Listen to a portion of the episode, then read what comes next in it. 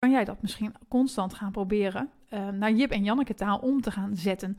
En ik denk dat er ook echt een markt voor is als je die insteek dus kiest. Hoi, ik ben Chantal Smink, de CEO die geen SEO meer doet. Waarom? Omdat dat beter is voor je SEO. Echt waar. Op onder andere Brighton SEO en Immers Digital Marketing Live heb ik hierover gesproken. In mijn podcast vertel ik je alles over een nieuwe aanpak van SEO die veel beter past bij de huidige tijd.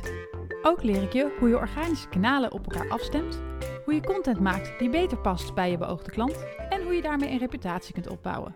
Organische marketing dus. Hey, hallo en welkom bij het tweede deel van de serie over goede posts maken op LinkedIn. In de vorige aflevering heb ik het met je gehad over wat je vooral niet moet doen als je uh, wil dat je post bereik hebt. In deze aflevering wil ik het met je hebben over de insteken, de keuzes die jij moet maken als je wil dat jouw post wel succes heeft. En ehm, wat belangrijk is, hè, dat om het achterhoofd te houden blijven, herhaal ik toch nog even voor het geval je de vorige gemist hebt. Mensen hebben eigenlijk geen tijd, hebben eigenlijk geen zin om weg te klikken. Ze scrollen dus snel, moeten snel een idee krijgen van wat jij wil zeggen. En daar moeten geen drempels zijn. Ze moeten het op het platform kunnen consumeren. Nou, als je dan dit weet, van hè, dit is de, de persoon die ik probeer te bereiken, dan geeft dat ook eigenlijk aan wat je dus moet gaan doen om die aandacht vast te krijgen. En het eerste wat ik eigenlijk zie bij posts die heel succesvol zijn, is dat ze mega, mega, mega concreet zijn. Ik zie wel eens mensen delen met uh, drie ontwikkelingen in SEO.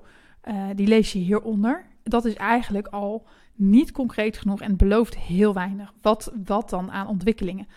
Um, acht tips om iets te verbeteren. Ja, dan moet dat wat je gaat verbeteren ook wel echt heel belangrijk zijn om te verbeteren. Het beste is om zo concreet mogelijk te delen wat je nou wil gaan zeggen. Ik kies dus altijd één van de dingen uit of uh, het doel wat je wil gaan verbeteren. En dan zeg ik van, dan, en dan speel ik daarop in. Dus dat betekent ook dat ik het pijnpunt uitkies en daar zeg maar in ga zitten vroeten. Um, op mijn site heb ik ook een blog bij gemaakt. Daar zie je ook wat voorbeelden die ik uh, gemaakt heb. Um, ik pak ze er ook heel even bij. Um, eentje is dat ik heb gezegd: zelfs hoge kwaliteit content biedt geen garantie op indexatie. Daar heb ik dus één ding eruit gepakt. Ik had kunnen zeggen vijf dingen die slecht zijn voor je indexatie, maar dat heb ik niet gedaan. Ik heb er één uitgepakt, de hoge kwaliteit content. Ik heb ook wel eens de andere eruit gepakt. Uh, dat er te veel content wordt gemaakt, bijvoorbeeld. En dat betekent dus ook dat iemand echt weet van: oh, wacht even, hoge kwaliteit content is niet genoeg. Dat wil ik even lezen. Dat is heel belangrijk. Kies een heel specifiek, concreet onderwerp. Dan um, zie je eigenlijk ook bij posts die het heel erg goed doen dat ze een nieuwigheidje bevatten. Dus het is een nieuw gebruik of een nieuwe toepassing um, of een nieuwe tip. En dat zei ik ook in de vorige aflevering over een stukje actualiteit, hè, urgentie om het te lezen. Er zit, ze gaan niet iets herhalen wat al algemeen bekend is. Als jij thought leader wil zijn, moet je iets nieuws delen. Dus dat is ook belangrijk. Als jij iets wil gaan delen, wat maakt dat nu actueel? En als dat er nu niet is, dan moet je gaan nadenken over wat heb ik hier dan over te zeggen, wat anders is dan gebruikelijk. Um, en die staat ook in mijn lijstje met een andere. Mensen die goede posts maken, belichten vaak een hele andere invalshoek. Die hebben een unieke visie, een uniek idee, een andere blik ergens op. Daar zijn mensen ook altijd in geïnteresseerd. Um, en wat het ook vaak goed doet, is dat je een afwijkende mening hebt of een hele controversiële stelling neerzet. Nou, dat moet ik eigenlijk altijd zeggen. Uh, guilty as charged, want dat doe ik altijd. Ik pak er eigenlijk altijd iets uit waarvan ik weet dat iedereen dat vindt. En dan zeg ik, maar ik vind dat eigenlijk niet. En ik vind de dingen niet omdat iedereen het anders vindt. Weet je, ik ben niet een dwarsligger om een dwarsligger. Ik vind het ook gewoon echt niet. Dus ik heb dat laatst gedaan. Um, iedereen wil altijd meer verkeer naar de website. Ik vind dat als we dat willen doen, dat we niet de juiste dingen aan het doen zijn. Dat als je blijft streven naar meer verkeer en naar meer leads, dat, ja, dat je dingen gaat doen om dat voor elkaar te krijgen. En niet de juiste dingen die onderaan de streep belangrijk zijn. Dus dat betekent dat ik ook gewoon daar echt iets uitpak. Van joh, moeten we niet eens gaan streven naar minder verkeer, minder leads en minder bereik. Nou, dat trekt meteen ontzettend de aandacht van mensen. Uh, van oh, dit wil ik eigenlijk wel eens even gaan lezen. Um, Als je zegt van ja, maar ik ben niet zo'n uh, visionair of ik heb daar niet zo'n mening over. Misschien kun jij wel dingen heel erg goed duiden. Dat is ook een heel leuke invalshoek om een post te gaan maken. Misschien volg je Christ Kolen op LinkedIn. Die is altijd dingetjes aan het duiden. Een marketingstrategie, een marketingtactiek, um, een of ander ehm, thema of een model of een uh, gedachte van iemand. Ik kom eigenlijk even niet op het woord, maar het zijn vaak concepten of uh, theorieën, dat bedoel ik, die hij gaat uitleggen en heel praktisch gaat maken. En dat zijn van die theorieën waar we allemaal wel aan leiden. Dus bijvoorbeeld dingen die we allemaal fout doen, gedachten die we allemaal hebben. Superleuk hoe hij dat heel simpel neerzet. En dat kan jij nou ook doen. Als je denkt, iedereen maakt het zo moeilijk. Ik vind het heel erg makkelijk. Kan jij dat misschien constant gaan proberen uh, naar Jip en Janneke taal om te gaan zetten? En ik denk dat er ook echt een markt voor is als je die insteek dus kiest. Um, ja, dan heb ik nog. Ik, heb een heel lijstje, dus ik kijk altijd even op mijn scherm wat ik, uh, wat ik uh, heb staan. Um, de, de andere invalshoek, de eigen visie op de ontwikkelingen. Ja, als je zegt van goh, ik wil daar een idee mee hebben, dan zou ik bijna zeggen: volg mij eens op LinkedIn. Um, dan zie je dat ik er altijd wel mee bezig ben. Of ik stel dus iets ter discussie, wat, wat ik ook heb gedaan bij uh, dat stukje van meer en minder verkeer. Uh, ik denk dat dat eigenlijk handvaten zijn waarmee je een hele goede insteek hebt voor de rest van je LinkedIn-post. Wat ook vaak goed werkt, is een ervaring of een casus of wat je voor elkaar hebt gekregen. Waarbij er wel uh, je op moet letten dat als je een grafiek gaat laten zien met een stijgende lijn. Dat hebben alweer heel veel mensen gedaan en dat vinden, vinden heel veel mensen ook alweer vervelend. Of die zeggen van ja, weet je, ik zie allemaal stijgende lijnen. Maar daar zit weinig bij wat ik het echt kan controleren of het echt kan snappen. Of er wordt weinig echt weggegeven. Dus zorg dat als je dat doet, dat je wel echt voldoende informatie kan geven om het ook interessant te kunnen laten zijn. En zorg dat je het niet vertelt als wij van bedrijf X deden dit. Um, no one cares. Terwijl als je zegt van joh, um, het probleem van de klant, dat pak ik centraal wat we opgelost hebben en daar ga ik over aan de slag. Dus um, kom jij niet hoger in Google? Dit is hoe ik het oplos. Dat geeft meteen het probleem aan, waardoor mensen die het probleem hebben het ook kunnen herkennen. Dus ik denk dat dat een beetje de geheimen zijn van een hele goede LinkedIn-post. Het is allemaal toegevoegde waarde. Als iemand het niet leest, mist hij eigenlijk iets nieuws. Het stukje FOMO, daar moet je echt wel goed op in weten te spelen. Ik zeg eigenlijk altijd wie de kunst van het posten beheerst, die weet de FOMO-snaar bij de doelgroep te raken. Niemand wil iets missen. En ik denk dat dat dus heel belangrijk is om te weten als je daarmee aan de slag gaat.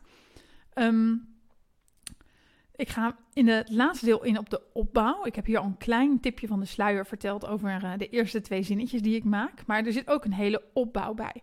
Want als jij iets nieuws gaat duiden, maar jij begint jouw eerste twee regels met iets wat totaal niet interessant is, krijg je nog steeds niet die klik op meer weergeven. Maar het begint hierbij. Wat wil ik nou eigenlijk gaan vertellen?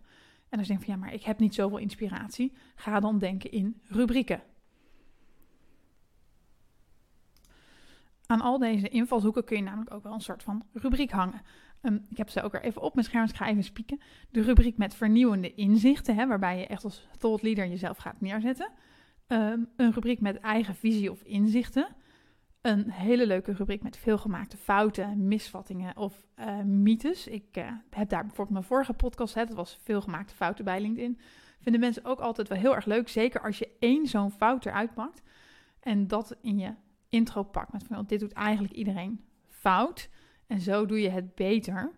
Um, geef ik alweer een tipje van de sluier. Dat wordt zo impliceert dat er iets gaat komen in die post wat de beloon, ja, wat de moeite van het klikken waard is omdat het beloond gaat worden. Um, kansen die mensen niet benutten is ook een leuke rubriek. De cases, um, het nieuwtje over het bedrijf of over jou. waarbij ik wel denk dat je dat dus niet al te vaak moet doen voor om dat wc-eend-content te voorkomen. En als jij vanuit een persoonlijk profiel post, is het af en toe ook leuk om gewoon een persoonlijk verhaal over jou te delen. Dat mag er ook prima tussen, zolang het allemaal maar in balans is. Nou, als je nu weet van, goh, wat is nou het geheim van die LinkedIn-post die het zo goed doen?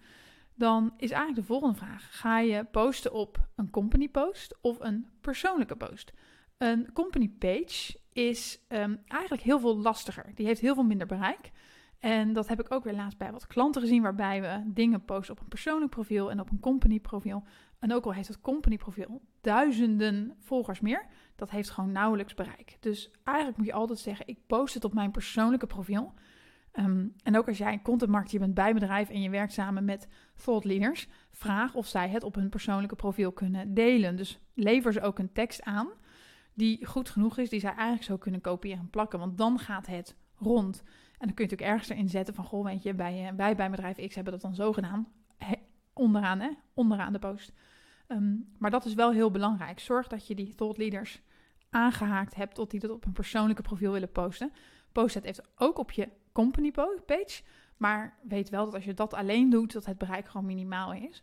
En wat belangrijk is, het resharen en reposten, zoals het heet op LinkedIn. Ehm, dat heeft ook echt nauwelijks bereik. En post die jij repost, doet gewoon niet zo heel veel. Dan kun je beter um, zeggen van, joh, weet je, ik heb deze post gelezen van die en die.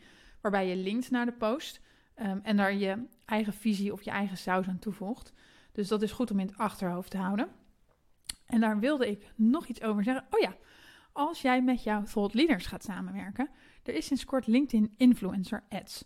En dan kan je eigenlijk als bedrijf ads van jouw medewerkers sponsoren. En dat is natuurlijk superleuk, want daarmee kun je dus een medewerker die zijn persoonlijke visie deelt op een trend of op een ontwikkeling of op een veelgemaakte fout, kan je zeggen van hé, hey, ik ga daar budget tegenaan gooien om het bereik te vergroten. Um, super tof. Ik heb het zelf nog niet uitgeprobeerd in de praktijk hoe het werkt. Maar ik ben wel heel benieuwd. Misschien denk jij nu van dat ga ik doen vanuit mijn bedrijf. Laat het even weten hoe dat is gegaan. Dan zie je ook bij de poster onder dat hij gesponsord is door bedrijf X. Um, nou, en dan kun je natuurlijk het bereik ook weer vergroten. Um, dus dat zijn eigenlijk de geheimen van posts die het heel goed doen. Ze zijn op persoonlijke profielen geplaatst. Ze bevatten altijd iets nieuws, uh, iets unieks. Ze zijn mega concreet met een duidelijke belofte wat je krijgt op meer weergeven. En um, ze zijn eigenlijk weten ze de FOMO-snaar te raken. Dat als jij het niet klikt, niet leest, als je het laat staan, dat je eigenlijk denkt van fuck, ik mis iets en terugscrollt. Ik heb het zelf ook wel eens dat ik denk van het eerste gezicht hm, niet zo interessant. Dan denk ik, ja, maar ik wil toch eigenlijk even weten wat er staat. En dat is gewoon echt de kunst van het spelen met teksten. Dit moet je oefenen. Dit gaat ook niet in één keer heel erg goed. Um, maar dat is dus wel wat het geheim is van een goede, een goede post. Um, dat is het voor deze aflevering. Ik heb eigenlijk heel veel zin ook in de volgende aflevering. Dan ga ik het hebben over Zero Click, het gedachtegoed. Misschien heb je de term wel eens gehoord, misschien ken je hem. Ik wil hem heel duidelijk even bespreken. Wil jij in de tussentijd meer leren over het posten op LinkedIn? Dan heb ik een e-learning voor je gemaakt. In ongeveer 2 tot 3 uur vertel ik je al mijn geheimen over het posten op LinkedIn. En deze e-learning vind je op b2brands.io, dus b2brands.io. Um, ik hoop je in de volgende aflevering te zien. Dan gaan we het hebben over zero-click content. En geloof me, die wil je niet missen. Tot dan!